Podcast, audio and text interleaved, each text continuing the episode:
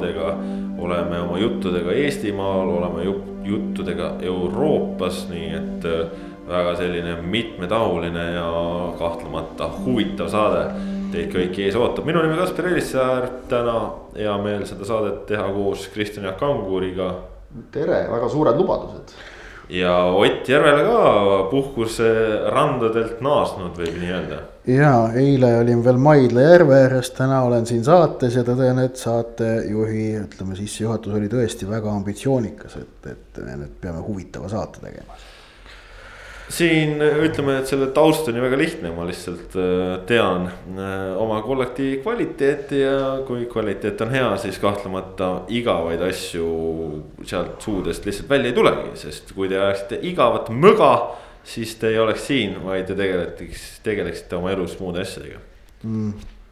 ja, ja tugev algus igatahes. Jube optimistlik häälitsus tuli Otilt selle peale praegu sellega seoses mulle meenus, et tegelikult Otil oli saate alguseks mingisugune jube põnev äh, alustus ka, aga ta on selle vahepeal ära unustanud juba. ja, ja, ja sinna ta jääb ka. aa ei oota ei, ma võin ikka lasta tegelikult, oota ma vaatan, peaks vist olema endiselt mul alles siin. üks moment, kus ma selle leian, nii. ja, ja kahtlemata ei saa öelda, et saade oleks igav, kui inimesed saavad oma Äh, mis iganes vahenditest kuulata seda, kuidas Ott Järvela on arvutis ja trükib asju. nii, valmis? mina olen valmis jah. no Tšufal.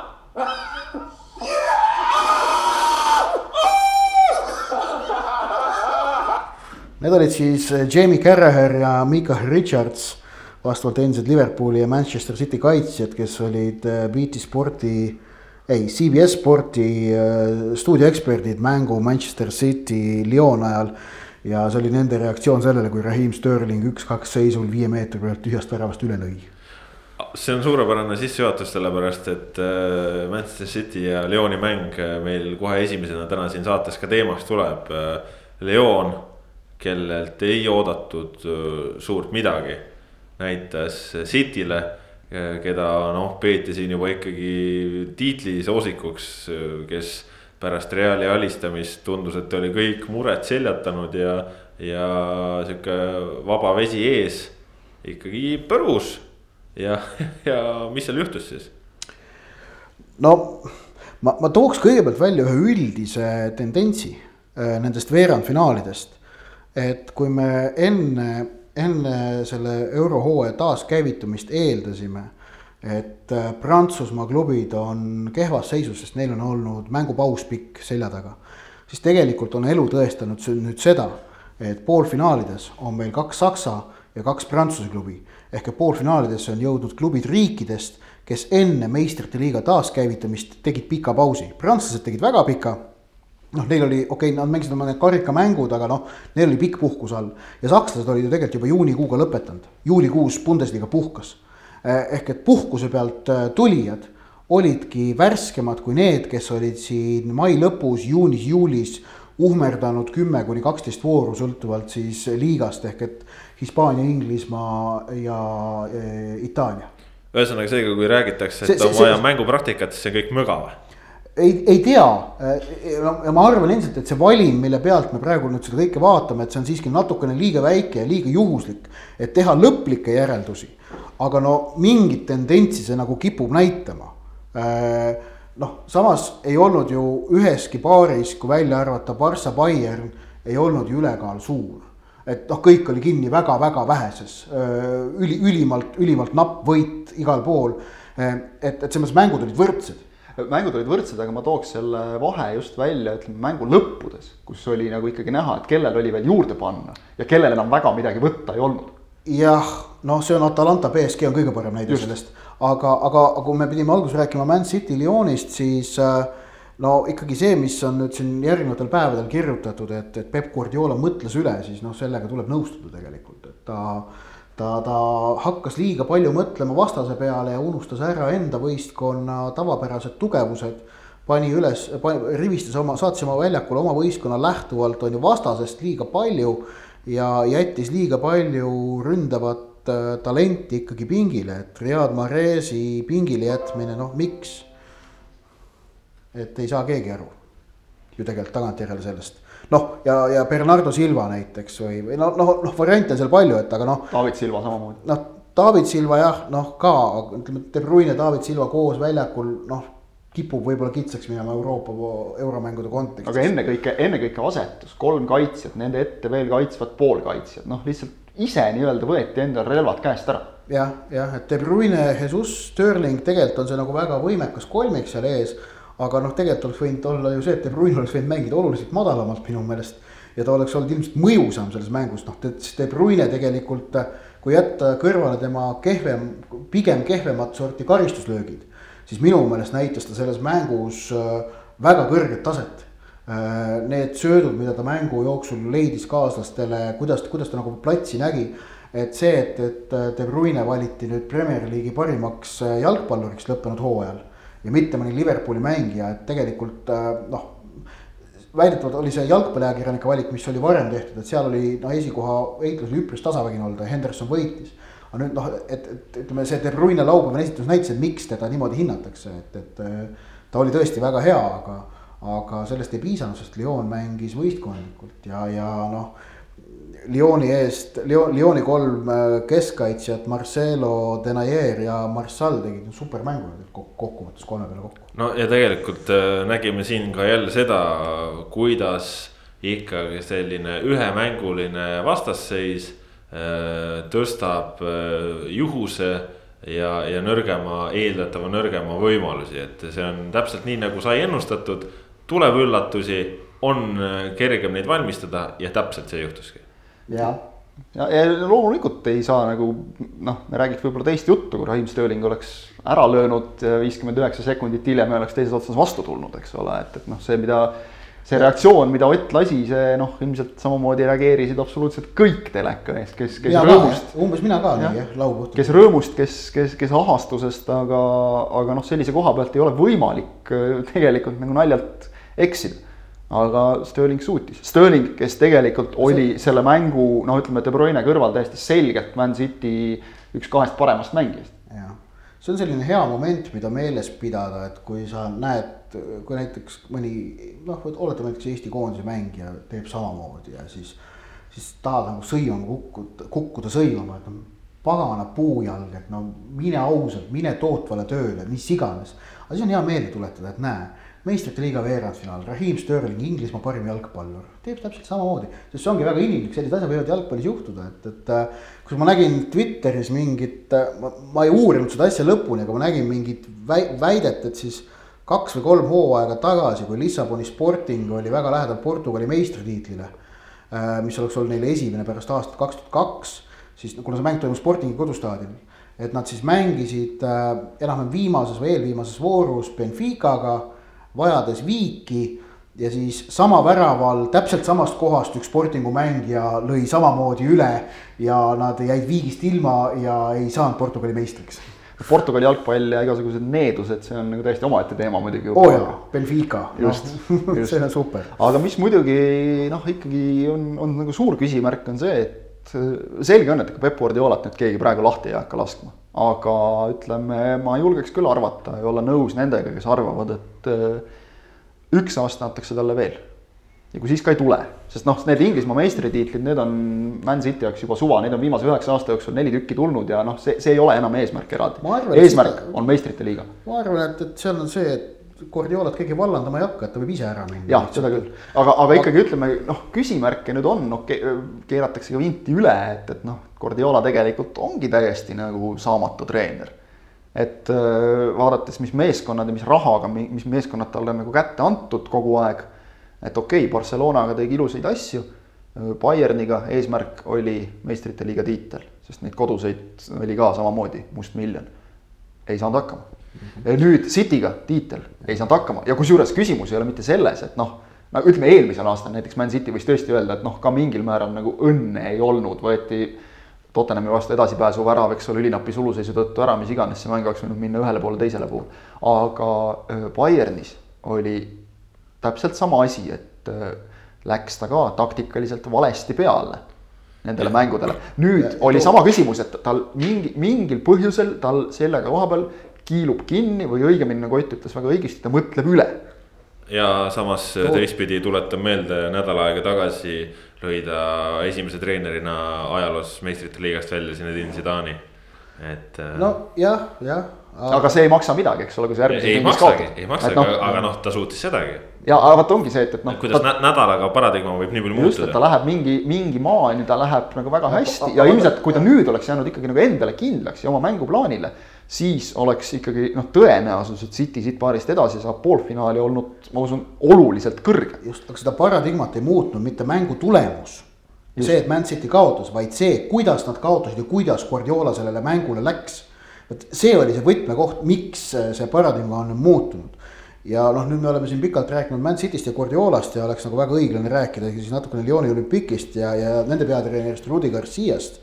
Kes on teinud ikkagi noh, imetöö praegu võistkonnaga ära, et viinud selle meistrite liiga poolfinaali. no ja, ja noh, seal mängijaid, keda seal kiita, leiab nagu hul-, hulgi äh, eesotsas vast äkki kapteni Hossein Aouariga. ei, või Depay oli kapten lõpuks vist ikkagi, Aouar on ka. Aouar on keskväljal nii oluline no, just, et teda võid aga, kiita aga, ikka. aga, aga aga, aga teine mees on siis tõesti nagu Memphis Depay. Kes ju Manchester Unitedist lahkudes, ta, ta läks ära sealt tegelikult nagu noh, niimoodi maha kantu, noh, ta kanti maha Äh, sest et ta nagu ja, ja ta tegelikult ka ei suutnud seal mitte midagi kahe hooajaga ära teha, ta oli totaalne pettumus, totaalne flop. ja kuidas nagu see mees on ennast äh, noh, nüüd nendes meistrite liiga mängudes on näidanud, kuidas ta on nagu noh, hoopis teisest puust kui siis, mis ta. kui see mulje, mis jäi temast Manchester Unitedi ajal, seda on olnud nagu vägev vaadata ja noh, aga tegelikult eelkõige Lyoni puhul mulle meeldib see võistkondlikkus ikkagi, et see on, see on selline võistkondliku äh, mängu äh, peale surumine, see on natukene see, millega varasematel hooaegadel on Madridi Atletico võlunud. et kuidas nagu suudetakse niivõrd ühtsena võidelda ja, ja, ja vajadusel ka kannatada ja siis noh, neid võimalusi ära kasutada. selle pealt on väga mõistlik kohe sujuvalt minna võistkonna juurde, kes ei suuda võistkondlikult kannatada, kes ei suuda võistkondlikult pingutada ja kes on nii võistkonna kui klubina äh, totaalses kollapsis, jutt on äh, Kataloonia suurimast jalgpalliklubist. EFC Barcelonast, kes äh, sai Müncheni Bayerni käest veerandfinaalide suurima kaotuse, kaks kaheksa me rääkisime mõned saated tagasi nendest Barcelona hädadest ja noh, siin ei pidanud nagu hiromant olema, et ennustada. et mingil hetkel välk sisse lööb, et ta nüüd nagu nii rängalt lõi, noh, see paradoksaalselt see on ilmselt äh, Barcelonale pigem isegi kasulik. et saada noh, ikka, ikka selline laks vastu hambaid, et äh, pilt tuleb ette alles mitu päeva hiljem. sest no muidu oleks olnud selline tunne, et no okei okay,, no väga hullu ka ei ole aga see praegu noh, ütleme selline avalik häbistamine, noh, see paneb nagu ikkagi asjad liikuma, eeldada võiks vähemalt, et paneb liikuma no.. kus ta need asjad liikuma paneb, see on juba oluliselt keerulisem küsimus, et ei piisa ilmselgelt. Barcelonal ainult sellest, et, et, et noh, mis seal oli vist umbes neli mängijat, keda nagu jätta soovitakse, ülejäänud juba lähevad müügilehele ja ja mingist uuenduskuurist, et seal, seal, seal klubis tuleb nagu uuenduskuuri teha tõenäoliselt ikkagi juhtkonnas ja ja seal on ju, no ütleme, et on tegelikult see Barcelona nagu juhtimine on muutunud viimase paari aasta jooksul pigem poliitikaks. seal käib mingisugune omavaheline võimuvõitlus, selle kõige käigus on see meeskond nagu täiesti vaeslapse rolli jäetud. noh, nüüdki oli jälle näha, et, et ega sealt pingi pealt väga midagi võtta ei ole. täiesti, täiesti ükskõik, kas seal on Kike Setien või, või keegi muu või, või kas ta nüüd praegu selleks hetkeks, kui te meie saadet kuulate, on juba ka ametlikult lahti lastud või või veel ei ole, noh, see on selge, et ta läheb siin, see ametlik kinnitus on kõige väiksem mure selle juures. kas tuleb sinna Kuuman asemele või tuleb keegi teine või kolmas, ka ei ole tähtis, need probleemid hakkavad klubi juhtimisest ja, ja seal on asjad ikkagi praegu nii mädad. et noh, enne tuleb seal asjad paika panna, ega Barcelona ju tõenäoliselt, kui me näeme noh, praegu nagu isegi me räägime Barcelona kriisist, et noh, koduliigas saadi kõigest hõbemedal ja meistrite liigas ka näed kõigest veerandfinaal et noh, see klubi mängib oma taseme pealt mingid kohad ikka välja lihtsalt selleks, et mängida nüüd jälle nagu tippu välja ennast. selleks tuleb seal suured muutused teha. ja, ja tegelikult, kui me nädal tagasi siin äh, avaldasime erinevaid arvamusi ka ja ikkagi no oli selline tundmus sees, et äkki Lionel Messi üksinda siis tassib selle satsi ära, siis no, räägi enda, räägi enda eest, ütlen ma selle kohta ei tassinud midagi ja nüüd siin juba on kuuldes, et Messi tahab ka ikka minekut teha. no kas Messi nüüd minekut tahab teha, see võib olla muidugi sihuke klassikaline väike noh, heas mõttes nagu väljapressimine, et tema on mängija, kellel on võimu mõjutada seda klubi, ütleme, tegema muudatusi ja vahetama inimesi juhtkonnas. Barcelona on Lionel Messi pantvang. jah. see on. palun saate, vahel me nagu nuputame, et, et mida panna saadet üles pannes pealkirjaks. nüüd vist tuli, aga, aga, aga ühesõnaga. see on, see, see on. see on õige, aga ma lõpetan selle mõtte kiirelt, et äh, kas Messi noh, nagu jääb või läheb. okei okay,, see selleks, aga mis mulle küll silma torkas. Messi kehakeel selles mängus ei olnud liidri oma. ta oli sellest tegelikult väga kaugel et okei okay,, mingil hetkel noh, on kõigil on nagu lootusetu tunne, siin vaatasin ka mingeid kaadreid äh, Arturo Vidalist, kes enne mängu tegi suuri sõnu, noh. ütleme, peabki tegema, sest sa pead nagu endale sisendama, et me paneme ära sellele Bayernile. aga, aga kuidas siis Vidal lihtsalt noh, oli reklaamplakati najal röötsakil pärast järjekordset väravat ja oli aru saada, et ta hea meelega roniks üle selle plakati ja imbuks maa sisse lihtsalt, sest noh, nii piinlik on aga, aga ütleme nii, et, et noh, Messil on sellest kõigest ilmselgelt kõrini ja, ja ütleme, mingil hetkel sa hakkad elus ka tahtma nagu mingit muutust, midagi uut. Messi on olnud eluaeg Barcelonas, et mind ei üllataks, kui ta nüüd kuskile läheb, iseküsimus on, kes on talle nõus palka maksma nii palju, kui ta tahab. kes on nõus sellist raha välja käima, mida Barcelona tema eest küsib. Man City ilmselt oleks, ega neid liiga palju ei ole, aga Man City oleks üks meeskond, kellel see kiusatus on kahtlemata olemas. ja Man City on Guardiola, kes võiks olla Messi jaoks see nii-öelda tõmbenumber no,. mitte ainult Guardiola, vaid ka Tšiki Begistran äh, klubi see no,. kindlasti, spordi, spordidirektor vist ametlikult. ja no siis jääb üle loota ainult seda, et Stoke tõuseks tagasi Inglismaa kõrgliigasse, et me saaks lõpuks ometi vastuse küsimusele, kas Messi ei, suudab seda, seda teha. on vaja lihtsalt ühte head loosimistulemust liigakarika sarjas, mida mängitakse teatavasti ju äh, noh nädala, nädala sees ja, ja siis me saaksime tõesti teada, kas Messi suudab seda kõike ka ühel teisipäevasel vihmasel õhtupoolikul Stoke'is ja aga samas selles mõttes ega, ega Messil. kurat, see oleks äge. kuule, aga, aga Messil ei ole väga palju variante, kuhu minna just selles plaanis, et no üks asi on see, et kes on valmis seda raha maksma, aga, aga Messi on ikkagi sportlane, kes tahab võita. ja, ja ta ei lähe satsi, mis ei ole võimeline võitma, et no ma ei tea. ei no Stoke'i ta ei lähe.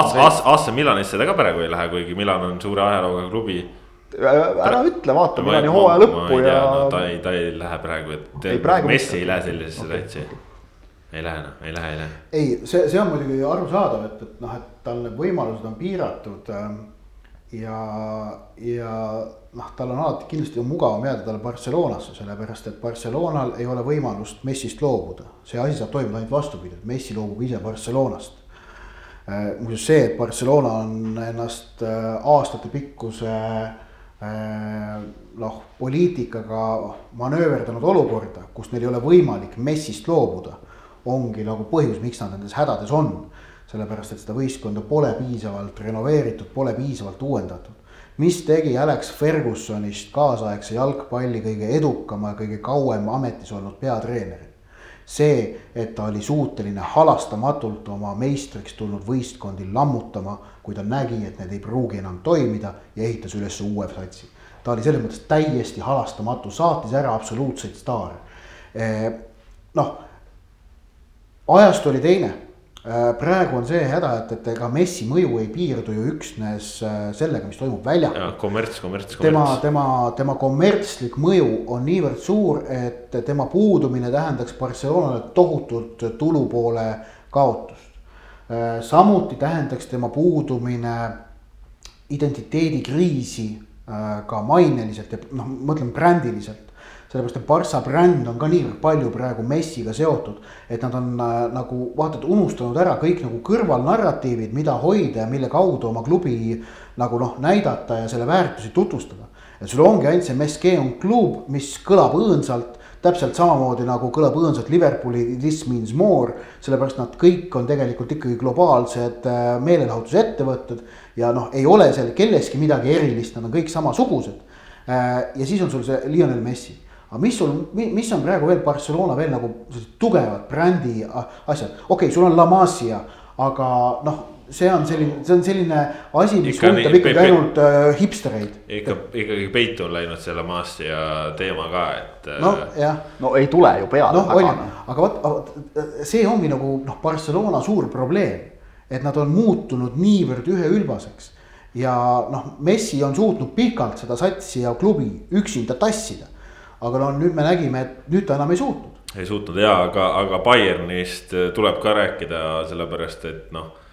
see võistkond äh, Hansi Fliki käe all täiesti peatamatu. ja vot kuidas see oli, et kuskil jällegi ma ei mäleta nüüd, ma, ma, ma ei, ma ei pannud endale kirja, kes seda ütles, aga et noh, et mida Hansi Flick on siis Bayeris teinud, miks ta on saanud Bayerni niivõrd hästi mängima, et noh, suures plaanis on üks asi, et ta ei ole sitapea et sellest nagu piisab vahel nii lihtne ongi, eks ju. et sellest nagu pii-, on piisanud, et noh, mängijad nagu naudivad seda, et, et peatreener ei ole enam sitapea ühel või teisel moel. aga see on tegelikult on see hästi loogiline selles suhtes, et tippklubid on sul niikuinii egosid täis, et kui peatreener on ka üks ego veel juurde, noh siis vahel see ei toimigi, vahel töötab, vahel mitte, eks ole, aga noh. Kui sa vaatad, ütleme minu jaoks on ikkagi see, ma vaatasin ja nautisin seda mängu, no kurat, Toomas Müller, noh. ma, ma teadsin, et sa ütled just seda. no kõik see, mida on tema kohta kogu aeg räägitud, et noh, tegelikult oleme ausad, ta näeb nagu päris paljudes episoodides väljakul ka välja nagu suvaline kaigas.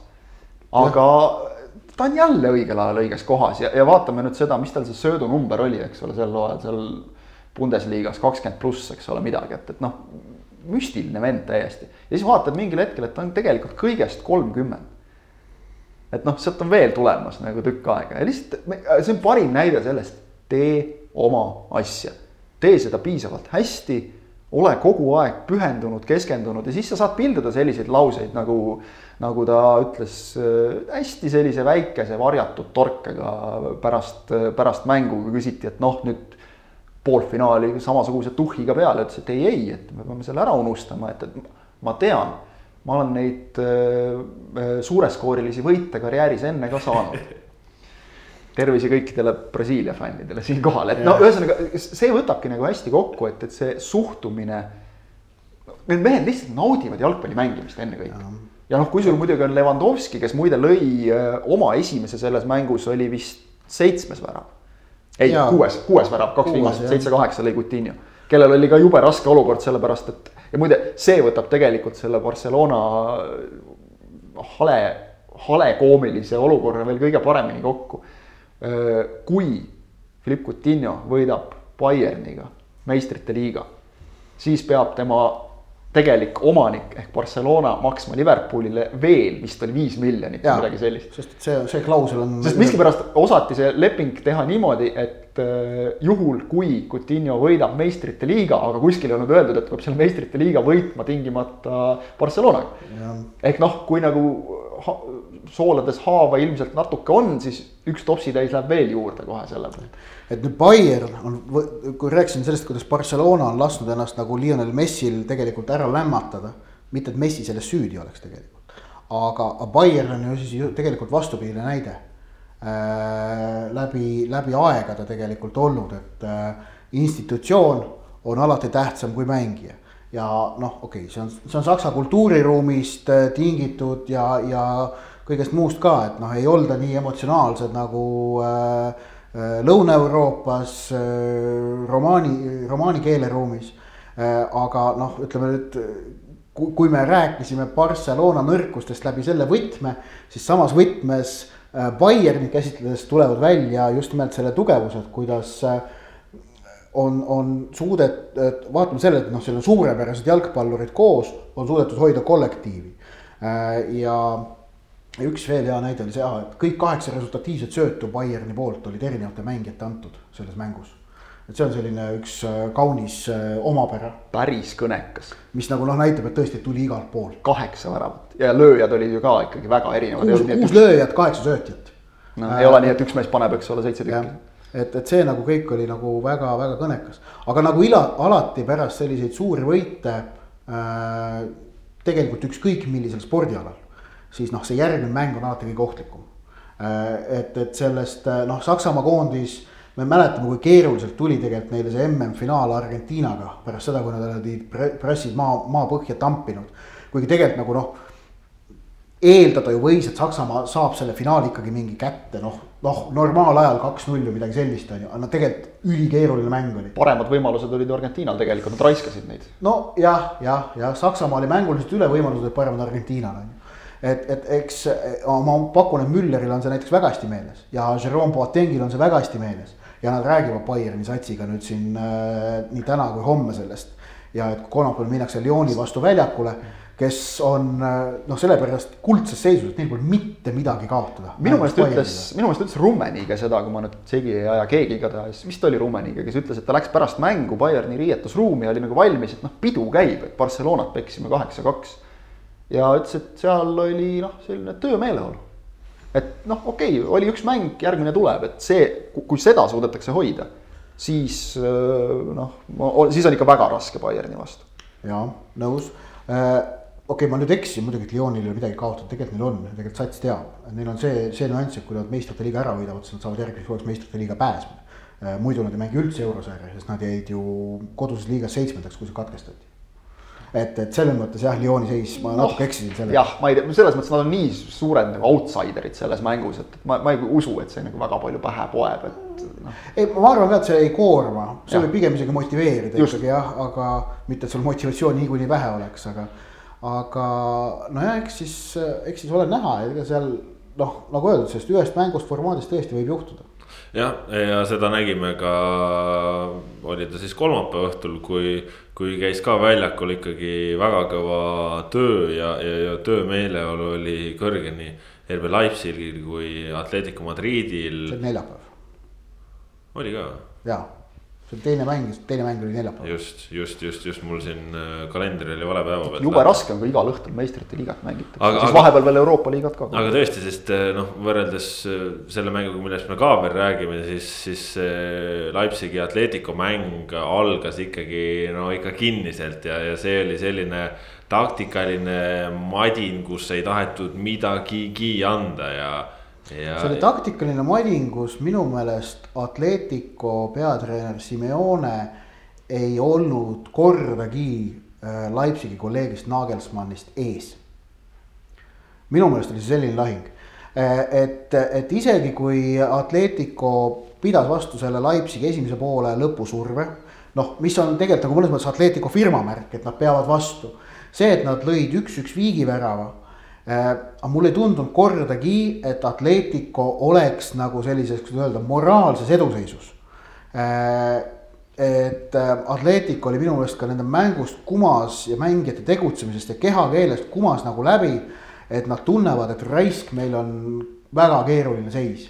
meil on väga keeruline seis, väga keeruline vastane ja meil ei ole väga kindlat ja selget plaani, kuidas me nad nagu noh, oma filosoofiaga üle mängime ma ütleks, et äh, selles mõttes Simeone jooksis ikkagi sarnase reha otsa nagu Guardiola. ehk et ta mm. läks sellele mängule liialt noh, nagu midagi hoidma, kaitsma. Äh, Diego Costa, noh, sorry, selle mehe ajad on ammu möödas. Jean Felix toodi pingilt, äh, see oli parim periood Atletico mängus.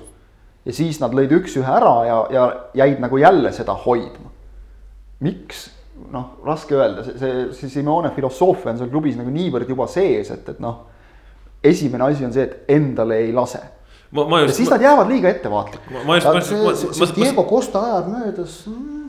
kurat, ta on ikka nii aeglane ei no aeglane aeglasus, aga, aga ma, ma selle teie eelneva mõtte juurde lisaksin seda, et, et mulle vaadates tundus nagu jällegi selle nurga alt, et äh, Atletico jaoks ja just, just eelkõige siis Diego Simeone jaoks tundus kõik olevat tavapärane, ehk siis mulle tunduski, et nad nagu olidki arvestanud sellega, et, et me nagu ise tegutsemegi kaitsmisega. sest nad nagu teadsid, et, et me, kui me suudame seda teha ja, ja nad on väga head kaitsmises et siis küll see värav seal ees ka nagu ühel hetkel tuleb, nii nagu ikka. Atletico oma üks-null võite võtab, ehk siis, eks mulle tundus, et nad olid nagu täiesti nagu mentaalselt okeid sellega, et nad ei kontrolli mängu käiku, et sellega tegelevad sakslased ja küll siis tuleb, aga siis. kui Leipzig lõi enda esimese värava ära, siis seejärel mulle tundus, et, et nüüd siis nagu Atletico saab aru, et nad on supis. sest nende plaan on ebaõnnestunud. Mulle, mulle tundus sedasi mm. -hmm. no võib-olla jah, siis hakati mängima küll selles suhtes, et, et noh. aga ja... noh, et sest Leipzig ei kaotanud kordagi eneseusku. Leipzig, kes jäi ju ilma enne meistrite liiga mänge oma staarründajast Timo Wernerist ei olnud nagu otseselt, ei olnud nagu näha, et nagu puudu oleks olnud kellestki väljakul, vaid noh, see terve võistkond jällegi mängis nii ühtselt, nii enesekindlalt, seda oli nauding vaadata, no seal võib jällegi või võiks nagu jäädagi esile tuua neid staare, noh, kõige rohkem ilmselt räägiti kaitsjast Ajot Upamecanost pärast mängu, kes tõesti tegi väga hea partii. aga tegelikult noh, oli seal nagu erinevaid tegelasi igal pool väljakul, et noh, seal ja see ka, et kuidas nagu need noh, näiteks no vasakkaitsja Angelino, kes suutis ju seal paaris, paaris olukorras teha ikka noh, noh totaalset praaki. aga siis selle kaks-üks värava puhul andis selle võtmesöödu jällegi, noh, et suutis, suutis nagu see nagu näitab ka, see eneseusk ei kadunud, vaata. ei kadunud jah, eks seda eneseusku võib-olla Angelinole on varasemalt õpetanud ka Karol Mets, nii et noh kindlasti, kindlasti, ei no kui vaatame kasvõi seda, et, et mismoodi Leipzig, eks ole, tuli noh, alt üles kõrgliigasse. ja, ja kuhu nad kohe oma esimesel hooajal jõudsid seal ja et nad on sinna püsima jäänud, stabiilselt püsima jäänud. see näitab ka, et, et sisu selles meeskonnas on tegelikult, et ja, ja ikkagi noh, ma tunnistan täiesti siiralt, mulle absoluutselt ei meeldi see mudel, mille abil see, see klubi on üles ehitatud. ennekõike sellega kaasnev ülbus aga kui me siin võrdleme noh, kasvõi sellesama Barcelonaga, siis noh, müts maha, et, et see, mismoodi seda asja tehakse ja mismoodi juhitakse. vot see on võib-olla see, et noh, kõik räägivad, et Red Bull, eks ole, on loopinud äh, igale poole sporti nagu raha meeletult alla. Aga elu on näidanud piisavalt, et noh, tõesti, me võtame kõik kasvõi needsamad vormel-ühed ja, ja kõik, eks ole, igasugused muud ekstreemspordid ja saavutused, et, et raha üksi edu ei taga, et, et ikkagi oluline on see, mismoodi neid asju on tehtud ja tegelikult see, mismoodi on ülim professionaalsus. ja see, see iseloomustab ka minu meelest seda Leipzigi meeskonda. ega, ega need nimed eraldi võttes ei ole neil ju tegelikult kunagi olnud mingid sellised superstaarid, pigem on mingid võetud sellised noh, taha kasutada sõna keskpärane, aga noh, nagu tavalised korralikud mängijad ja kasvatatud neist sellised Timo Wernerid, kes lähevad sul kümnete miljonite eest suurklubidesse edasi või, või Nabi Keitad või kes iganes, eks ole, et noh, need, see, mismoodi see tegelikult see süsteem toimub, seda võib nimetada masinavärgiks. et ta noh, selles mõttes nagu ei ole selline loomulikult toimiv süsteem, aga tegelikult ta töötab. see, noh Saksamaal oli see, et äh, vist see no, väga kuulus Saksamaa väljaanne, väljaanne, jalgpalliväljaanne Elf Freunde äh, ehk siis üksteist sõpra oli teada andnud, et nad ei kavatse kajastada Leipzigi poolfinaali, sellepärast et äh, nende meelest noh, see klubi on noh, võlts ja mis iganes.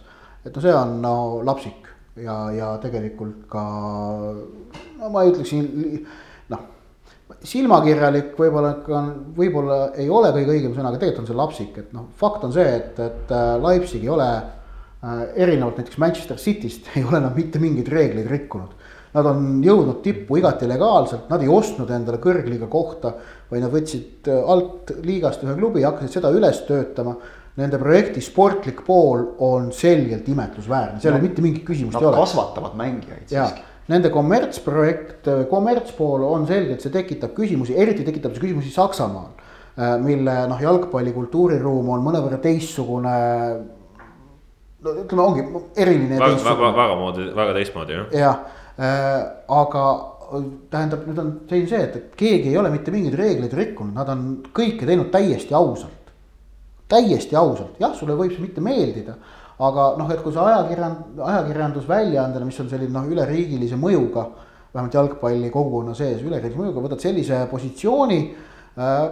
ma ei ole kindel, kas see on kõige mõistlikum. jah, igatahes siia lõpetuseks veel üks äh, mõte, ehk siis kui kõlas mängu lõpuvile ja, ja näidati suures plaanis Diego Simeonet, äh, kelle noh, äh, hinges oli näha pisaraid, siis äh, hakkas tekkima selline tunne, et kas ka tema äkki mõtleb, et, et nüüd on kõik, sest enne mängu ta ütles ka, et äh, neil ei ole mitte nagu variant see mäng võita, vaid, vaid see on elu ja surma küsimus, see mäng võita, sellega ta hakkama ei saanud, ehk siis kuidas ta sellele reageerib.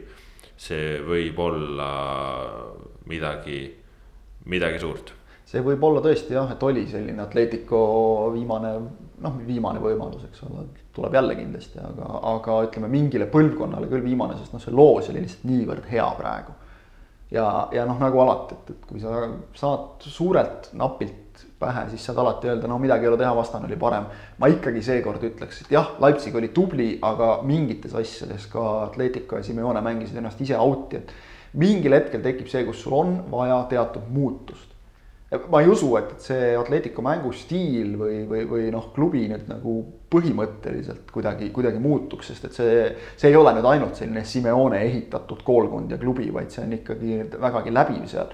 aga võib olla mingit värskust treeneri pingile, noh, seal äkki läheb veel, ma ei tea, aasta-paar, kui, kui mingid oma legendid, kes nüüd on siin lõpetanud, hakkavad, hakkavad nagu ennast ka treenerina kuskil tõestama enne ja siis, siis tegema, et, et äh, ega see on keeruline, noh, samamoodi sellel Barcelonal, eks ole, kõik nüüd nagu näevad kuidagi saavis mingit päästjat, mees tuleb tagasi hakkab treeneriks ja siis on kõik jälle ilus, ei kindlasti mitte.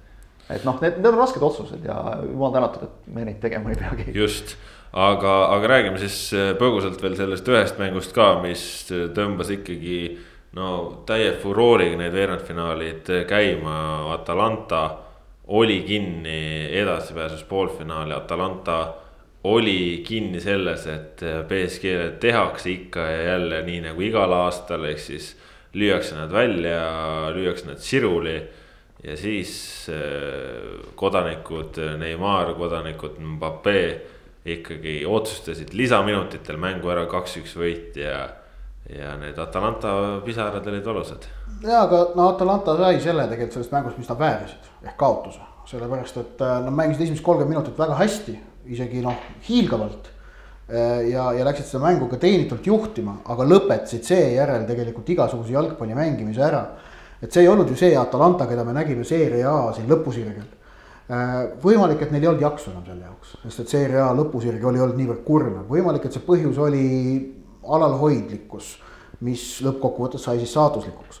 Aga noh, selles BSG võidus ei olnud nagu midagi teenimatut, vaid see tegelikult oli, tegelikult nad teenisid selle välja et see üks-üks värav oli see, mille järel Atalanta mängijate kehakeel oli see, et eh, noh, meiega nüüd kõik pekkis, et, et üks-üks värav just nimelt juba. Nad olid, selle... nad olid ikkagi väsinud tõesti juba selgelt, mõnda mängu õnnestus näha Serie A lõpuvoorudest ja, ja noh, ei olnud enam seda hoogu mm.. Muidugi jah, see, et ikkagi neil see legend Ilitšitš oli puudu, noh, see, see ka mõjutas aga, aga, aga siin, siin selles mängus minu meelest lõi kõige rohkem välja see, et, et ühed olid äh, väsinud, teistel oli veel midagi juurde panna ja noh, ikkagi lõpuks Mbappe, no ilmselgelt tal polnud ju õiget mänguvormi, eks ole, et ta üldse väljakule jõudis selleks mänguks. Äh, tuli, tegi kohe. Neimar, kes tagus tegelikult äh, noh, palle jumal teab kuhu kohta, terve mängu. Munas ära kohe mängu alguses sellise võimaluse, et, et noh, piltlikult öeldes ta ei löö neid mitte, mitte kümnest üheksa, vaid üheksast kümnel juhul lööb ära need. ja lõi selle täiesti mööda nagu, et, et noh, tundus täpselt selge, korras, jälle, jälle fail ib äh, kõige olulisemas mängus ja siis lõpuks oli ikkagi Neimar, olid Neimar ja Mbappe need, kes selle, selle mängu oma, oma söötudega ära otsustasid. ja, ja seda Neimar, Neimari tahtmist me nägime tegelikult ju mängu vältel, see, kuidas ta seal neid atškoosid küttis ühte teistpidi, et, et. driblinguid oli vist mingi kuusteist või midagi. Eh, me nägime distsiplineeritud Neimari. Eh, ta ei kaotanud enesevalitsust mitte kordagi, me teame, ta on väga emotsionaalne mängija kellel on kombeks kaotada enesevalitsus ja reeglina, kui ta kaotab enesevalitsuse, siis tal läheb see asi ka tuksi aga seekord ta mängis tegelikult vastutustundlikult, jah, teda provotseeriti, ta oli emotsionaalselt üles köetud, ta oli tohutu surve all. aga ta suutis sellest välja tulla, selles mõttes see oli, see oli selline Neimar, keda me nägime kaks tuhat kuusteist Rio de Janeiro olümpial. kui ta oli Brasiilia koondise kaptenina toodud äh, selleks nagu noh, olümpiaturniiriks Barcelona eriloal, ta oli vist Barca mängija toona veel või oli juba BSG, ma ei mäleta siis äh, oli ikka Barca mäng. okei okay., toodud ju sinna selle jaoks, et noh, et äh, korrigeerida kahe aasta tagune krahh ja, ja tuua Brasiiliale nende läbi aegade esimene olümpiakuld. ja kuidas ta tassis selle satsi lõpuks välja, lõi ise otsustava penalti finaalmängu penaltiseerias sisse. ehk et noh, võttis vastutuse ja vedas välja, eh, ta oli kapten, on ju. et nüüd me nägime tegelikult samasugust Neimari. ja näeme siis sel nädalal eh, poolfinaale Leipzig, BSG ja, ja Lyon, Bayern sellised veel pool mitteametlikud, aga üsnagi selged märgid viitavad sellele, et Kuuman on tõesti Barcelona järgmine peatreener, nii et saame näha. väga huvitav otsus, arvestades, et, et tal tuleks selleks Holland jätta, mida ta ei ole nagu seni teha tahtnud no,. et, et noh, ütleme Kuumanis on nagu vähemalt materjali, et, et seal seda asja edasi viia. ja Kuumanis on kindlasti ka materjali, et seal mingite mängijatega veel ka tülli minna et.... oo oh jaa, muidugi, seda jõuab alati. et seda on seal ka, aga saame näha, igatahes. Kuuman on selles mõttes kange, kange vend, et, et noh, vaata noh, tal on selles mõttes hea, et tal, tal nagu on seda autoriteeti. just, tahtsin öelda, talle pähe istuta. ja, sest et ta on Barcelonaga kõik võitnud tema, tema, on Barcelona viinud meistrite liiga võitjaks, mängijana. Äh, vist isegi kaptenina oli või? kui nad üheksakümmend kaks võitsid, kas ta oli kapten? mina ei mäleta, mina ei mäleta. no kuidas sa ei mäleta noh? ma olin liiga noor selle jaoks. see äh, ongi viga. noh, jah, aga äh, just nimelt, et talle ei saa pähe istuda, ta võib, ta võib, ta võib öelda igaühele ja ilmselt sealhulgas ka Messile, et, et noh, it's my way or highway Messi teda ütleme. ja, ja, ja, ja nüüd ongi seis selline, et kui Barcelona juhtkond ei lepi sellega, et Kuuman ütleb Messile, et sa teed nii, nagu mina tahan, äh, siis ja annab Kuumanil kinga, siis selle peale kokkuvõttes on Barcelona veelgi suuremas jamas omadega. jah, ja, ja mine tea, võib-olla seda, see ongi, Kuuman on veel Hollandi koondise juures tagasi on no mis iganes jah. üheksakümmend kaks yeah., jah, Suvi Sarreta oli kapten siiski. okei okay aga läheme siit edasi ikkagi Euroopa lainel äh, ja, ja miks me seda teeme, sellepärast et Eesti klubi. Eesti meister Tallinna Eesti Flora alustab äh, kolmapäeval oma teekonda meistrite liiga esimeses eelringis, kui võõrustatakse Leedu meistrit Suduvat ja ja selles mõttes äh, saame huviga jälgida, et kas alustab ja lõpetab oma teekonna meistrite liigas või mitte, sellepärast et kahte mängu ei mängita ka eelringides. ühe mänguga kõik selgeks saab Tallinnas A Le Coq Arena'l, äh, Flora koduväljakul, aga, aga seda siis tühjade tribüünide ees ja, ja tegelikult olukorras, kus Flora võib-olla noh, premium-liiga tabeli järgi tuleb küll ülikindlalt sellele mängule vastu, aga, aga tegelikult võib-olla siis mitte ikkagi nii kindlalt või kuidas no? see mäng Tammekaga, esimene pooltundi oli ikka päris kohutav Flora poolt. ja noh, kaks-üks värava lõid nad suluseisust, on ju. Eh, samas viimase tunni nad Tammeka vastu mängisid eh, kokkuvõttes hästi, isegi väga hästi. et eh, noh, nüüd see, kuidas kuivõrd palju saab nendest, ütleme, Flora viimastest premium-liiga mängudest välja lugeda seda eurosarja kohtumist silmas pidades. see on siin natukene küsitav ka, et noh, siin on selgelt näha, on olnud valmistumine on käinud ju. Äh, Vassiljevile anti, anti puhkust näiteks ja noh, siin on, on ju tegelikult natukene sisse mängitatud ka Igoneni ja Kallastet on ju, kes ju äsja võistkonnaga liitusid. et, äh, et selles mõttes ma, ma noh kaugeleulatuvaid järeldusi on natukene keeruline teha ja sellepärast, et eks need eurosarja mängud ju alati noh, viivad ka võistkonna natukene teise emotsionaalsesse seisundisse hoopis kui muu, aga. aga see mäng kokkuvõttes on, on see üheksakümmend minutit või sada kakskümmend minutit pluss penaltiseeria. on ülioluline tervele Eesti Premium-liigale. see on kvaliteedikontroll ma isegi ei ütle, et tingimata, et see, kas võit või kaotus, et see nüüd määrab ära selle, et mis, mis, mis, mis see nagu järeldusi sellest mängust tehakse, vaid, vaid aga, aga kindlasti ka Flora esitus, et, et kui nagu juhtub see, kui juhtuks, juhtub niimoodi, et, et noh, Suuduvale vastu ei saada, siis see on ikkagi äratuskell või selline noh, ebameeldiv tõdemus, et vaatamata sellele, et meil on kodus väga äge ja huvitav kõrgliiga, siis Euroopas oleme endiselt mudas. ja noh, Flora enda jaoks on seis selline, et äh, kümnendat korda meistrite liigat mängitakse. siiamaani mitte kordagi avaringist edasi saadud ei ole. no mis Florat puudutab, siis mulle tundub, et nende selle hooaja märksõna on selline, et, et kipuvad tihtipeale mängima vastase tasemel ehk siis, kui vastane on väga hea ja, ja tugev, siis mängivad ka nemad head jalgpalli, kui vastane on eh, nendest eeldatavalt nõrgem, siis nad ka ise lähevad selle aeglasema tempo ja, ja mingite asjadega kaasa, muutuvad lohakamaks. nii et selles mõttes eh, see euromäng võiks neid distsiplineerida eh, tegema ikkagi head esitust, aga noh, see tõesti. no mis seal Tammeka vastu toimus, esimesed kolmkümmend minti, noh see oli ju ikkagi, ega siis mehed ei unusta jalgpalli mängimist ära, see oli ju puhtalt keskendumise teema tegelikult, täpselt nagu sa ütlesid, et noh. okei okay,, viienda minuti värav oleks võinud ju nagu äratada iseenesest. et, et see, see on nüüd kindlasti väike murekoht, et noh, hea küll, alustasid kehvasti, lasid endale väga-väga rängast ja lollist kaitseeksimusest ära lüüa. noh, siis tõused ja hakkad mängima, et Floral läks ikka päris tükk aega, enne kui mängima hakati.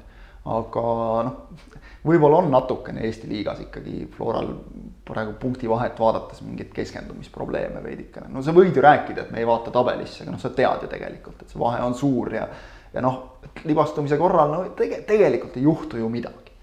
praegu vähemalt. et äh, Euroopas noh, kindlasti seda ei ole ja siin on nagu piisavalt palju mehi, kes on neid suuri mänge palju mänginud, aga olen täiesti nõus, et ega nagu noh, mitte mingit õigustust Floral nagu ei, ei ole naljalt, sest et eriti nüüd, eriti nende täiendustega, mis nüüd tehtud on, siis, siis äh, noh, kõik, kõik, mis võimalik, on tegelikult nagu tehtud et olla edukas, et seda, seda juba aastaid on tegelikult ehitatud seda meeskonda ju mitte eesmärgiga tingimata tulla nüüd ainult Eesti meistriks, vaid olla edukas ka Euroopas, see näris Florat ennast ka pikka aega. piltlikult öeldes on Sudu vastu platsil pool Eesti koondise algkoosseisust.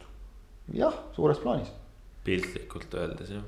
Suures plaanis küll, sest meil on välismaal mängijaid, mängivaid mehi ikka väga väheks jäänud ja, ja enamik on, on Floras. Igonen, Kallaste, Kreida Vassiljev, Sapinen.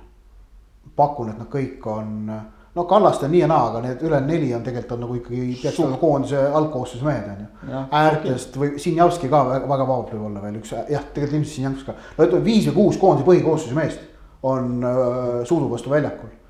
Ja no okei okay,, Leedu meister ja, ja täiendanud ennast ja, või noh, noh väga paljude legionäridega, aga samas ma vaatasin, noh rääkisid, nad tõid just endale mingisuguse legionäri toonud Ukrainast, kaitsev, poolkaitse või kaitsja. tuli Ukraina sellest äh, kuuendast klubist, Kolovjakast, noh. et, et noh, me oleme näinud, Ukraina kõrgliigast tulnud vennad ei ole nüüd tingimata mingid imemehed siin Eesti liigas on ju, et, et äh, see ei tohiks ka olla nüüd tase, mis nagu noh, hirmutab, et et noh, siin ongi see, et, et kui nagu leppida senisega, siis tuleks öelda, noh, proovime aga kui mitte nagu leppida enam senisega, vaid nõuda nüüd premium-liigalt ikkagi taseme hüpet, taseme tõusu Euroopas. siis noh, tuleb Floralt nõuda võitu, tuleb Levadialt nõuda võitu, tuleb Kaljult nõuda võitu. Need kolm klubi peaksid olema suutelised oma vastasest jagu saama. E, e, Kaljul e, selles mõttes noh, arvestades seda, et nad olid asetatud klubi, läks neil loosiga selgelt kõige kehvemini, aga nad said koduväljaku mängu ja Sloveenia neljas ei tohi ka olla nüüd midagi nii kohutavat, et ei, ei, ei, ei saaks võita neid. Et noh, Paidel muidugi on väga keeruline, see, see oli oodatav, aga, aga ei ole võimatu, neil läks selles loosiga hästi. jah, ja igatahes tõesti noh, Flora ka ju lõpuks selle Tammeka vastu kindla võidu numbriliselt sai, kolm-üks on seal teisel poolel. Tehti mäng ära ja, ja kui oli kolmas löödud ja Tammeka oli seal ka arvulises vähemuses äh, selle Igor Tudorevi punase kaardi järel, siis ega seal jah, enam Tammekal asjaks ei, ei läinud, aga no,. no Tammekas ta,, Tammekal muidugi kindlasti selle mängu osas kõige suuremad küsimärgid on selle Flora kaks-üks värava puhul, et, no, noh, see, see, see oli ikka.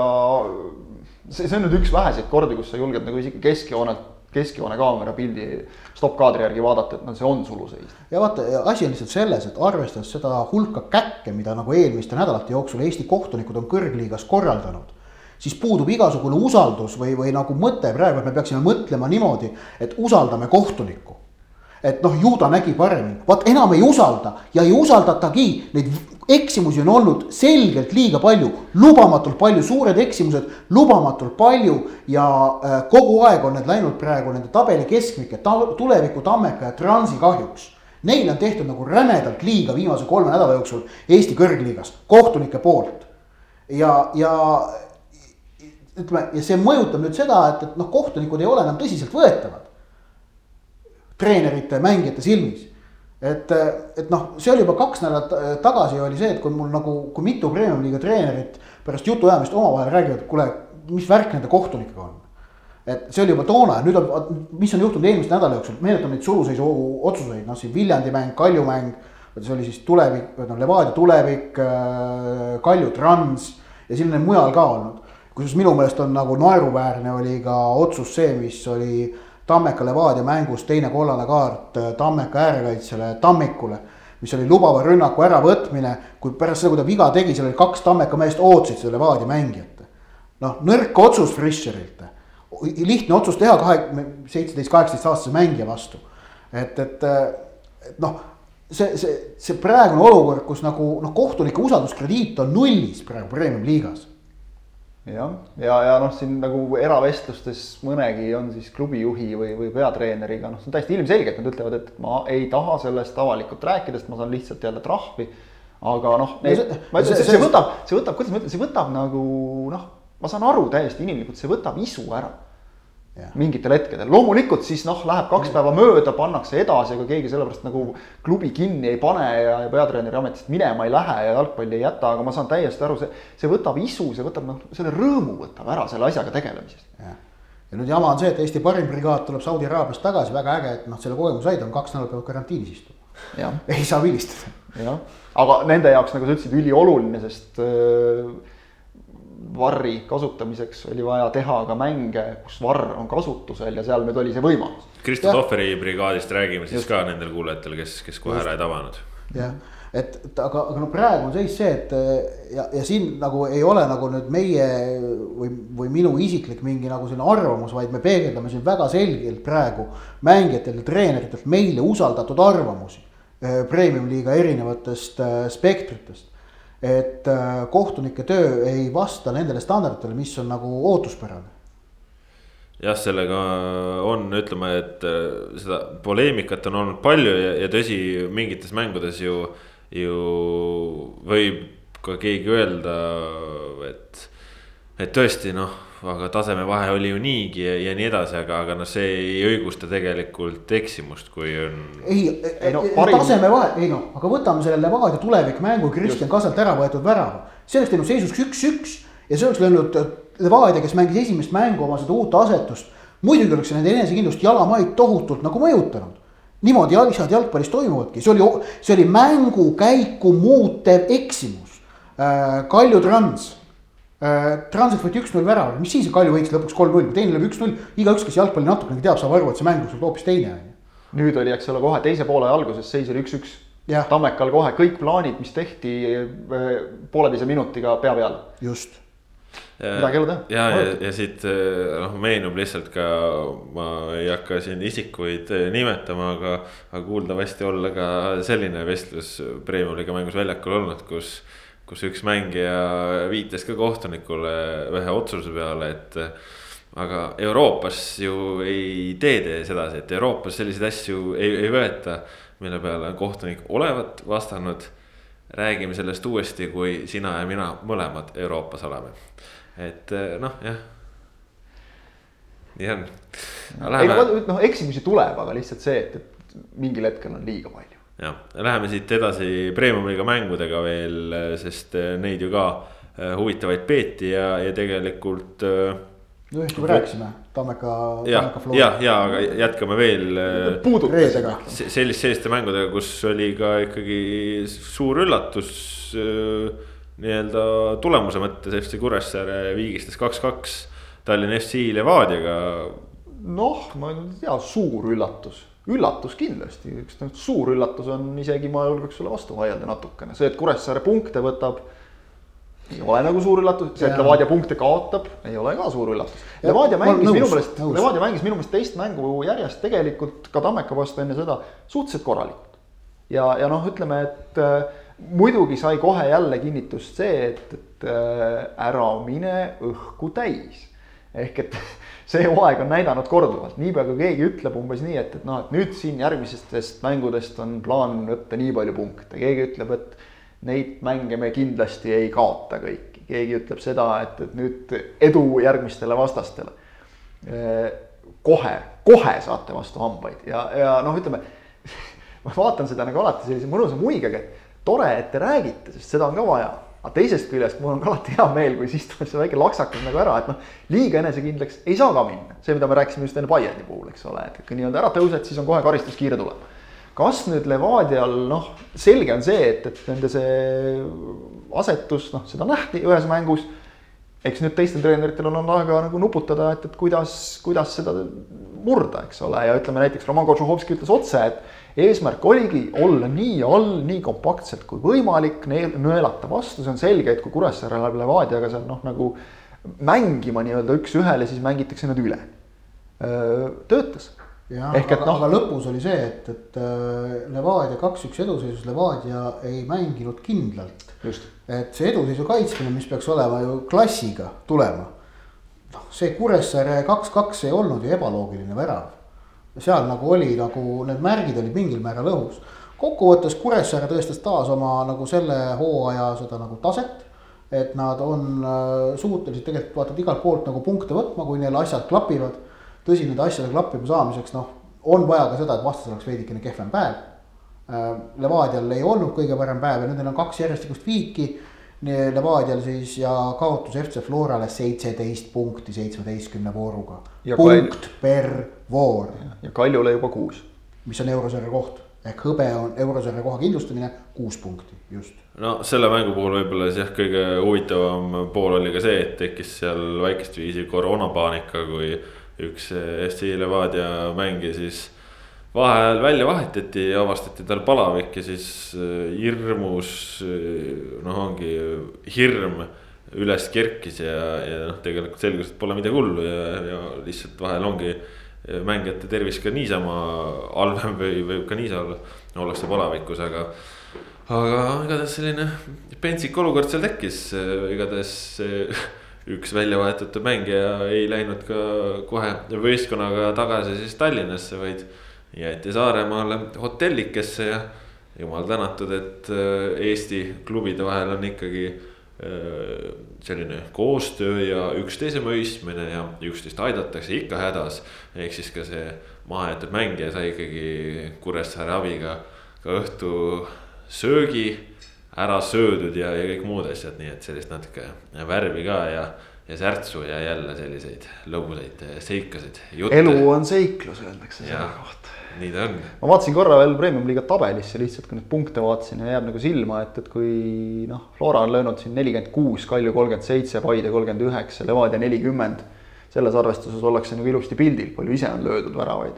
aga kui Florale ja Kaljule on löödud vastavalt kaksteist ja kümme, Paidele kakskümmend üks ja näiteks Narva Transile kakskümmend viis, Tammekale vaatan kakskümmend kaheksa, sellele samale Kuressaarele kolmkümmend üks, Leegionile kakskümmend üheksa ja siis on Levadial kakskümmend kuus. ehk noh, selge, kust king pigistab, eks ole. ehk et äh, niimoodi jätkates läheb ikka nagu väga-väga raskeks, seal tulevad pigem selja tagant meeskonnad selga, kui et kui et seal esikolmikule nagu veel ise kanna peale astutakse. noh, Levadia on näidanud küll sel hooajal ka, et nad võivad ka väga hästi mängida kohati, aga ütleme, et kas kõik, kõik see Manucho jant, noh, kõik need asjad, et seal, seal klubis ikka logiseb praegu ja, päris koledasti. eriti veel võtame arvesse seda, et Paide, nende noh, vaata üks põhirivaale ju noh, vabandust väga, aga tugevnes tohutult Henri Aniri palkamisega. aga, aga. ja tugevneb võib-olla veel, saadi omale siukse keskkaitse juurde, eks ole, et, et noh, vaatame, et ja. siin on aken on ju veel lahti. Tramee on tulemata ka veel jah, Tramee on ka veel, eks ole. ja Paide on, on saavutanud tegelikult selle nagu kindla rütmi et kui nad said seal vahepeal kolm järjestikust kaotust, äh, mis olid siis Narvalt, Floralt ja Kaljult, siis seejärel on nüüd ju võetud neli järjestikust võitu. Äh, esmalt see neli-kaks Levadia üle, mis oli emotsionaalselt väga tähtis, aga siis on nüüd suudetud ikkagi kolm väga lakoonilist võitu niimoodi kindlalt ära võtta. veenvat võitu just nimelt. nii Leegioni, Kalevi kui tulevikule, okei okay,, karikamängu ma jätan välja siit praegu on ju, et kõrgliigas, et noh, tegelikult Viljandi tulevik, tegelikult nad mängisid kindlalt tuleviku üle, noh poole ajaga kolm tükki on see, olemas ja. see mäng tehti esimese poole ajaga ära, sest et ja, ja tõesti ei olnud see, et tulevik oleks kuidagi mänginud nagu väga halvasti. Paide mängis lihtsalt niivõrd hästi. ja, ja, ja nii oligi ja teisel poolajal oli, ütleme noh, võib-olla isegi tulevik mingites asjades vaata, et natuke parem, said oma värava kätte. oli tegelikult võimalus ajada see mäng veel lõpuks teravaks, sellepärast et seal Kaimar Saagil oli, oli veel mõni hea võimalus. lüüa kolm-kaks ja siis oleks juba natukene nagu närv püsti, aga aga noh, muremõtteid ka seal Siim Luts ikkagi välja no, vahetati esimesel poolel. vahetati välja, ütleme ta tuli niimoodi nagu ise sellisel reipal pooljooksusammul, et see tundus olevat küll selline pigem nagu et, ettevaatusest lihtsalt. hüppeliigasega vist midagi oli natukene, eks me. kas, kas ta Kure vastu mängib ja eks ta. Pole vaja nagu, otseselt pole nagu vaja ka, mängupraktikat muidugi samas võiks jälle saada. tuletame meelde, et äh, Mohammed Sanneh tuli nüüd tagasi, eks ole, oli poolteist kuud eemal, nüüd äh, tuleviku vastu tuli jälle ja ja duubli eest mängis Poola ja siin paar päeva tagasi, et eh, noh. ilma nii, ilma nii mõnegi põhimeheta on nagu jällegi ikkagi nagu sa ütlesid, need kohustuslikud võidud ära võetud nii-öelda, ütleme tuleviku vastu võitu ei saa pidada Paide jaoks enam mingiks kohustuslikuks võiduks. ja ka see, kuidas näiteks Leegion noh, ikkagi väga veenvalt esimese poole ajaga kohe ära suruti. et, et see noh, see, see on olnud muljetavaldav. kas ke,, ma, ma olen puhkusel olnud, kas keegi meie ajakirjanik või keegi muu on küsinud Vjatšeslav Zahovaiku käest, et millega on Kristjan Pelt Mikkel Gurutšaga pingile mänginud? võitvat koosseisu ei vahetata. väga lihtne, selge. siis kui Kurutšaga oli kaardiga eemal, siis Pelt tegi hea mängu ja, ja sest minu üks lemmikmomente sellest. Taga on null nagu olnud. ei noh, väga, väga vä- vinge. minu üks lemmikmomente sellest Paide tulevikumängust oli Peldi sööt Sinilaiule kolm-null väravaks. karistusala keskel, niimoodi noh, tegelikult ma ütleksin külma rahuga lükkas selle palli Sinilaiule, noh, nägi seda võimalust. jah, Sinilaiu lööb vist üldse väike rikošeti oli või läks postist minu meelest läks otse okei, ei no hästi löödud, aga ja jah. see, see löök oli ka hea. Aga aga see sööt oli selline noh, kaunis Rahulik. rahulik, kaunis rahulik hetk üheksateistkümne aastaselt mängijalt niimoodi keset sellist siginat-saginat karistusalas. võib-olla on Zahovaikolt hoopis selline taktikaline nipp, et äh, see duublimäng oli eile esiliiga B-s, seal sai nende uus üheksateistaastane keskkaitsja sai nüüd koos Mikkel Gurutšagaga noh, nagu harjuda nii-öelda ja kindla partneri kõrval harjutada, nii et äh, ei noh. Anieri palkamisega see, et nüüd ikkagi üks keskkaitsja on juures, noh ilmselgelt üheksateistaastane Ghanast tulnud mees on noh, jälle selline projekt, keda tegelikult Paide on kasvatanud viimaste hooaegade jooksul tükki mitu täitsa nagu korralikeks mängijateks. ja siis ka siit veel edasi saatnud, ehk et see süsteem neil töötab kenasti. aga, aga et noh, seda sügavust seal, seal meeskonnas nüüd nagu jälle äkitselt on, et ja, ja tõesti, Tramee liitumisega tuleb veel juurde kindlasti, nii et öö, on, ütleme noh, jällegi mõtestatud töö ja aga kui siin enne rääkisime ka läbisaamisest ja, ja tundsime head meelt, et äh, on klubisid, kes tulevad erinevates olukordades teistele vastu ja, ja, ja sellise koostöö võtmes olukordasid lahendatakse, siis äh, no üks äh, olukord ikkagi tundub, et ei saa lähiajal lahendust, ehk siis Sergei Leppmets omale tõenäoliselt Nõmme Kalju näol uut äh, klubi vähemalt sel hooajal ei, ei leia, sellepärast et jalgpalliliidu distsiplinaarkomisjon äh, otsustas sedasi, et Leppmetsale individuaalset karistust kogu selle jandi eest ei määrata. aga, aga kasutati ka reeglitest tulenevaid äh, täpsustame, menetlus lõpetati otsust tegemata, just, nii on kirjas niimoodi on kirjas, ei tehtud otsust ei ühele ega teisele poole, otsust ei tehtud, menetlus lõpetati, aga otsust ei tehtud. noh, jah, ehk siis nagu noh, ütleme, leiti, et ei ole alust. mina loeksin siit välja seda, et äh, uute asjaolude ilmnemisel võib seda menetlust uuesti alustada. näis. mängu suhtes, sest otsust ei ole tehtud ei ühele ega teisele poole. võib tõenäoliselt, aga arvestades seda, et milline see, kuidas me nimetame, otsuseks ei saa nimetada, lahendus, lahend vist, siin tuleb juriidiliseks. ma, arvan, et see sõnakasutus võis olla ka veidi. milliseks see, milliseks see lahend nüüd nagu kujunes sellele olukorrale, mina ütleks, et see olukord tegelikult lahenes. selles mõttes jälle vaidleks sulle vastu natuke, et tegelikult see olukord lahenes, et noh, kuivõrd ka Kuno Tehva on nüüd öelnud selle järel, et Kalju ei kavatse seda peaaegu viisteist tuhat, viieteist tuhande euro suurust summat välja käia. Sest et öö, väidetavalt neil seda raha lihtsalt ei ole, noh, sellest võib ka nagu aru saada hooaja keskel, eks ole, öeldakse, et nüüd nagu no maksavad kahe kuu eest kolmekümne kahe aastase jalgpalluri eest viisteist tuhat, et noh. no kurat, see on suur summa ikka, viisteist tuhat, sul ei ole ka viisteist tuhat tagataskust võtta, eks ole. aga noh, see selleks, et äh, tagataskus. sa ei taha teada, kui kaua ma pean töötama, et sihukest summat üldse kuskil teenida. tagataskusse panna üldse, eks ole, veel vähem võtta sealt. ühesõnaga sellega on nagu jah, see, see, see konks, et äh, noh, ilmselgelt äh, see otsus on tegelikult ülimalt leeb otsus, lahend, hea küll, kurat sellega. see, see lahend on ülimalt leebe, sest et keegi ei ole keelanud Leppmetsal klubi vahetada. keegi ei ole keelanud Leppmetsal mängida keegi ei ole keelanud Leppmetsal, ma ei tea, töötada näiteks mõnes teises klubis praegu treenerina. ainuke asi on see, et selleks, et Leppmets saaks praegu väljakule joosta, tuleb maksta tema senisele klubile ehk Levadiale teatav summa. mängiõiguste eest. mängiõigustest, väga lihtne. puhas nii-öelda jalgpalliäri nagu selles suhtes. ei ole mitte millegi eest ei ole, ütleme siis täpselt Leppmetsa karistatud. Leppmetsa, kes tegelikult tunnistas, et äh, ta valetas. muidugi, no tähendab siin kogu selles lahenduses ei ole mitte midagi ebaõiglast.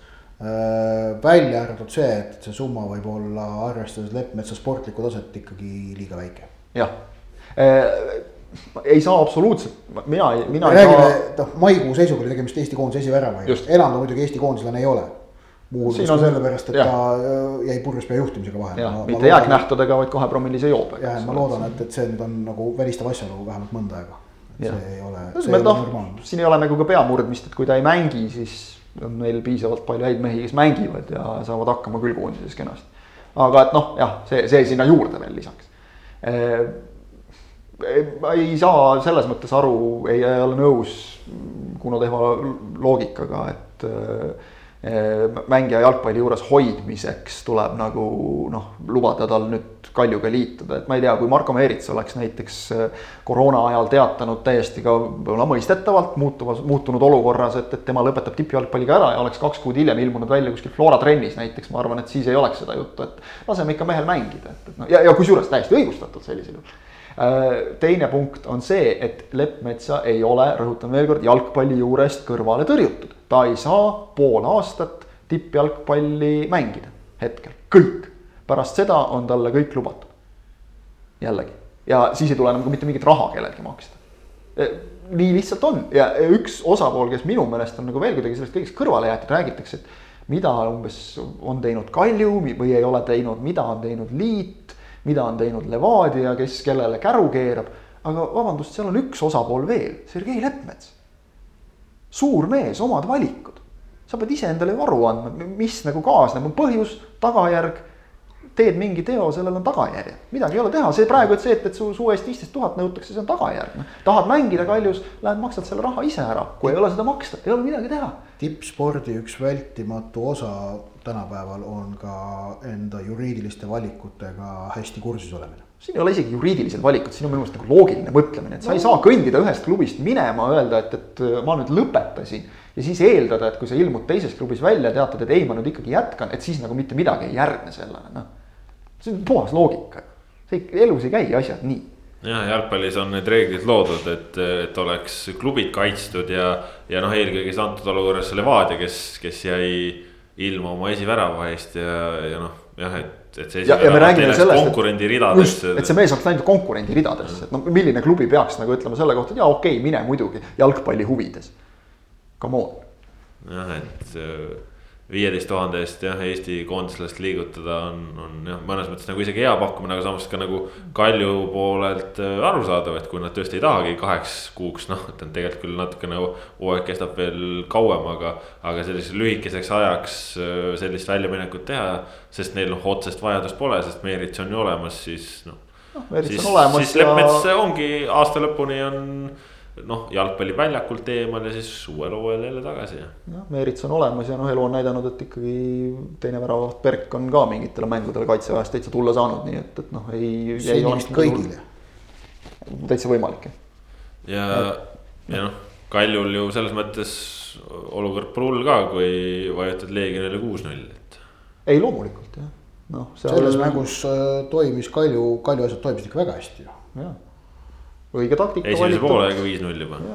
Aleksandr Volkov on, on hirmsasse hoogu läinud, vaat mis juhtub, kui meest natuke aega pingil hoiad, hakkab kohe tegema hirmsasti, et väga nagu jälle sümpaatne. No, väga huvitas mind see, kuidas nagu ETV stuudios enne mängu räägiti, et Kaljul pole rünnakul üldse kiirust ja siis no vaata, Volkov on põhikoosseis. noh, Edris Aluvega ei olevat ka kiirusega silma jäänud. tuleb ette, vahel ei jää mõned mängijad lihtsalt nagu noh, üks. äkki, äkki nad on nii kiired, et ei jäägi silma. ütles üks tundmatuks jääda sooviv Paide mängija nagu näha, siis huumorisoonega on meie jalgpalluritel kõik väga hästi.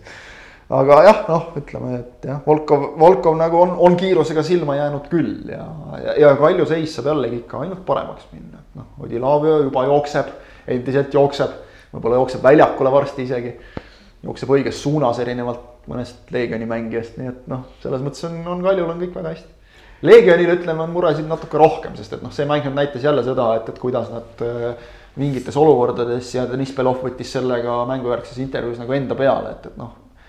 naiivsus on natuke see, mis kohati kätte maksab, naiivsus, mida tegelikult nagu nii kogenud mängijatel olla ei tohiks, aga ütleme, mis noh, nagu meeskonnana ikkagi välja lööb, et tegelikult see mäng oli ju tehtud seal noh, paarikümne minutiga, et Kail oli kolm tükki ära. sealt noh, see on selge, et, et Leegion sealt isegi kui nad jätkavad sealt väga hästi, siis sealt nagu naljalt ei tõuse enam. Siis tuli veel, veel, eks ole, noh, suhteliselt loll punane kaart nagu kahe Aleksandr Dmitrijevile kahe, kahe kollast väärt vea eest olukordades, kus neid nagu tingimata teha polnud vaja, et noh. Leegionist ei olnud tol päeval nagu mitte mingit vastast, mis äh, tekitab minus ühe väikese küsimuse, et, äh, et nüüd järgmine mäng Kaljul on ju tulevikuga enne eurosarja mängu. Äh, et nüüd, kui Pedro Viktor oli tagasi, siis oli Veremejev tõstetud äärekaitsesse ja Markovitš keskpoolikusse. et kas, kas tuleviku vastu kasutatakse sama skeemi Äh, noh, ma pakun, et ilmselt jah, pigem tundub vastus loogiline jah. Äh, ai, Pedro Victor on väljas, järelikult minnakse tagasi selle juurde, et Veremejev peaks mängima ilmselt keskkaitset. ma tahan öelda seda, et minu arust Veremejev keskkaitses jättis mulle nende mängude jooksul, kui ta mängis seal, päris hea mulje. Äh, ta paneb palli kiiresti liikuma ja, ja, ja see oli minu meelest nagu noh, väärtus ja minu meelest noh, Markovitš on, kurat. ma hakkasin praegu mõtlema, kas Andrei Markovitš on premium-liiga parim paremkaitsja Mm, välistada ei ole. no Sanech on ka muidugi, Lillander on ka muidugi. Sanechit pole ammu näha saanud ju. okei okay,, jah. Lillanderist ma paneksin ta ettepoole, mitte väga suurelt, aga paneksin. okei okay,, aga Markovitš on väga hea parem kaitses, no sellega me oleme nõus, on ju. et, et kas tema, samas okei okay,, Kristal tahab seda nagu me nägime juba hooaja eel, Kristal proovis teda ka selles keskpooliku rollis. Hooajalistes treeningmängudes, hooajal ta eriti polegi vist seda seni. Äh, üks oluline aspekt veel, et Homutov oli puudu okei okay,. seetõttu see, see, see roll vajas täitmist. aga see vist oli välismaalaste piirangud. just. jah ja, aga ütleme, see roll vajas täitmist, et noh, siis sa pead seal nagu ümber vangerdama natuke. ja välismaalaste piirangut Euroopas ei ole. ja seda ka jah, et seal on nagu huvitav näha, mida nagu sellega tehakse, kas, kas Veremejev, kas äkki Veremejev ikkagi mängib eurosarjas keskkaitses sõltub ilmselt ka muidugi sellest Mura Sloveenia satsi profiilist, seda me ei tea praegu niivõrd täpselt. Marko Kristal ütles pärast mängu ETV intervjuus äh, mingi sellise vihje just, et peab vaatama, Euroopas ei ole neid piiranguid, mis meil.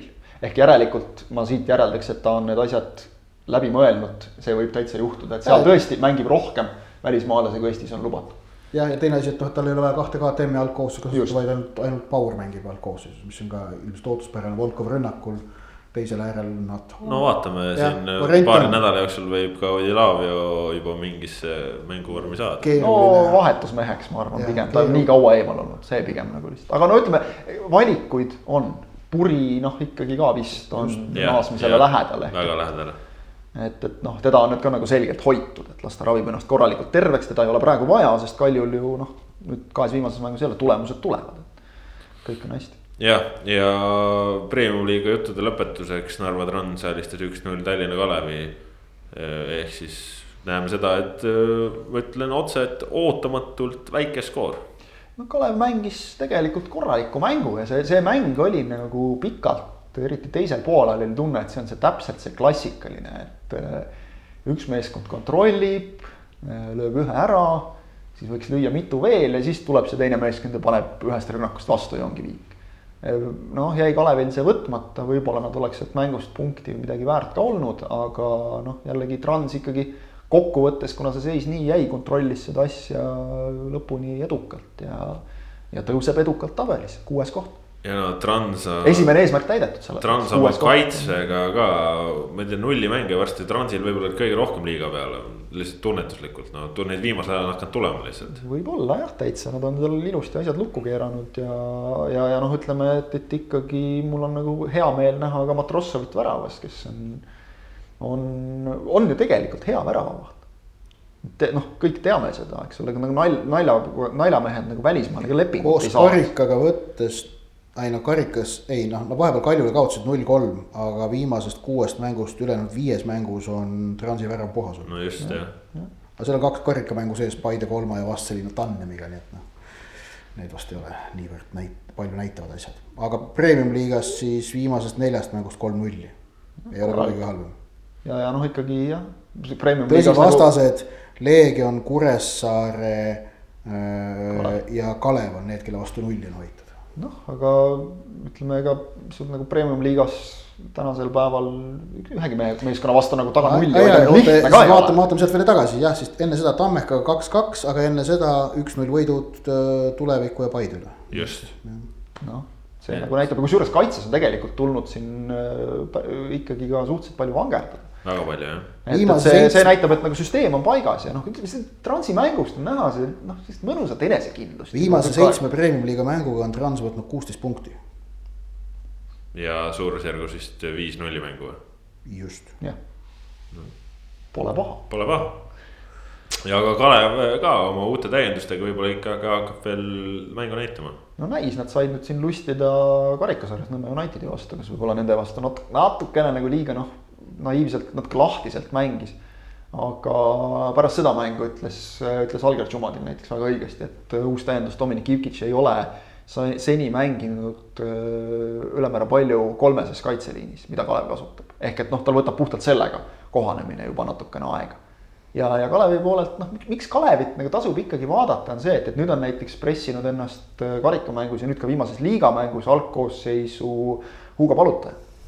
Ja jättis nagu vähemalt karikamängus, ma nüüd liigamängus ei saanud tema tegemisi nagu nii konkreetselt jälgida, aga karikamängus jättis nagu väga hea ja väga sümpaatse mulje, et noh, julgeb teha, see on nagu ennekõike, mida noorelt mängijaks tahaks. vanust vist kuusteist. vanust kuusteist, eks ole, Romet Kaupmees, sama noor poiss, eks ole, on ka nüüd olnud mitu mängu algkoosseisus, et, et noh, see, see, seda on, on nagu äge vaadata, et, et, et need noh, neid noori poisse usaldatakse ja et nad teevad ka et ma, ma ei, ma ei kannaks veel Kalevit ka maha selles suhtes, et, et noh, jällegi mingil hetkel võib neil nagu klikkida ja, ja ma arvan, et see võistkond võib-olla vajab ühte sellist. noh, see karikamäng karikamänguks, aga selget õnnestumist liigas ka. ärme kanna neid maha ja, ja tegelikult tore oli vaadata möödunud nädala keskel ka Eesti naistekoondise mängu Läti vastu, kus saadi üks-null võit täiesti geniaalsest väravast Kristiina Pannikova otse nurgalöögist palli võrku keerutas, üks-null võiduks, sellest piisas ja. ja mis selle mängu puhul võib-olla kõige selline silmatorkavam oli see, et tegelikult äh, kogu kohtumise vältel Eesti äh, kontrollis palliga mängu äh, lätlastele noh, ei andnud väga varianti, ühe korra esimesel poolel ise pakuti kandikul, kui väravaht Karina Kork väljaspool karistusala palli kaotas ja värav tühjaks jäi, see oli ka selline lätlaste ainus tõsiseltvõetav moment ülejäänud äh, matši jooksul lätlannad ise mängust ohtlikuks ei muutunud. ja, ja Eestil selles mõttes oli nagu noh, selle nurga alt nagu kerge mäng, aga tõsi, mis oli natukene no ütleks mõtlemapanev, oli ikkagi see, et Eesti äh, valdas seda palli, aga tegelikult ka ise vastase kolmandu, kolmand-, viimasel kolmandikul väga ohtlikuks nagu ei muututud, et. Et seda palli lükati ja nii, aga, aga siis, et kuidagi sellist nagu vunki oleks või et kust need väravad peaksid tulema, see oli ikkagi küsimärgi all, noh, mõnes mõttes võib-olla pärast nii pikka pausi on see ka loogiline. aga noh, teades ka ajalugu, et Eesti on olnud hädas väravate löömisega, siis, siis ikkagi selles valdkonnas tuleb veel tööd teha. jah, et see viimasel kolmandikul noh, kuidas öelda, ideed said otsa või, või oskus, noh ei, ei õnnestunud, see oli nagu see, mis nagu häiris, aga kokkuvõttes see enesekindlus, millega naiskond mängis, see oli väga nauditav vaadata. ja, ja noh, ilmselt oli see vist siis ainus kord sel aastal, kui me saame, kui oli võimalik Eesti koondist, Eesti A-koondist võimalik Eestis vaadata publikul staadionil. just, nii et äh, sellega ajalooline matš tõenäoliselt maha sai veetud, kui siin just nüüd maailmas olukord kuidagi väga kardinaalselt ei peaks muutuma ja ühel hetkel koroonaviirus maailmalt kaob äh, või on siis kõik lihtsalt järsku vaktsineeritud, aga. aga tõesti, selline mäng oli ja tegelikult ka selline saade oli. ma usun, et saade oli huvitav, nagu ma äh, saate alguses lubasin äh, tuli ta jälle täna sellise noh, tavapärase pikkusega mingis plaanis, ehk siis siin vahepeal need saated jube pikaks läksid ja täna on siis jälle selline pikemat sorti saade, aga. Aga selle ajaga jõuate teha näiteks päris mitu sammu kuskil linna või, või maantee ääres ja, ja palju muud ka, nii et äh, aitäh, et olite meiega tänase saate tõid teieni Kaspar Elisser, Kristjan Jaak Kangur ja Ott Järvela, uued jutud juba siis, kui teame, kuidas on Flora mänginud Euroopas, teame, kuidas on meistrite liigas ka asjad äh, selgunud, sellepärast et äh, pühapäeval ootab meid juba ees ka meistrite liiga finaal nii et eh, järgmisel. on pühapäeval, mitte laupäeval või? pühapäeval minu meelest jah ja. jumala super uudis, ma olin kogu aeg veendunud, et laupäeval, siin ma noh. no näed hoopis teine asi, elul hoopis teine mekk juures, mul oleks laupäeval, ma saan laupäeval õhtul rahulikult sõbrale külla minna, nagu oli palutud.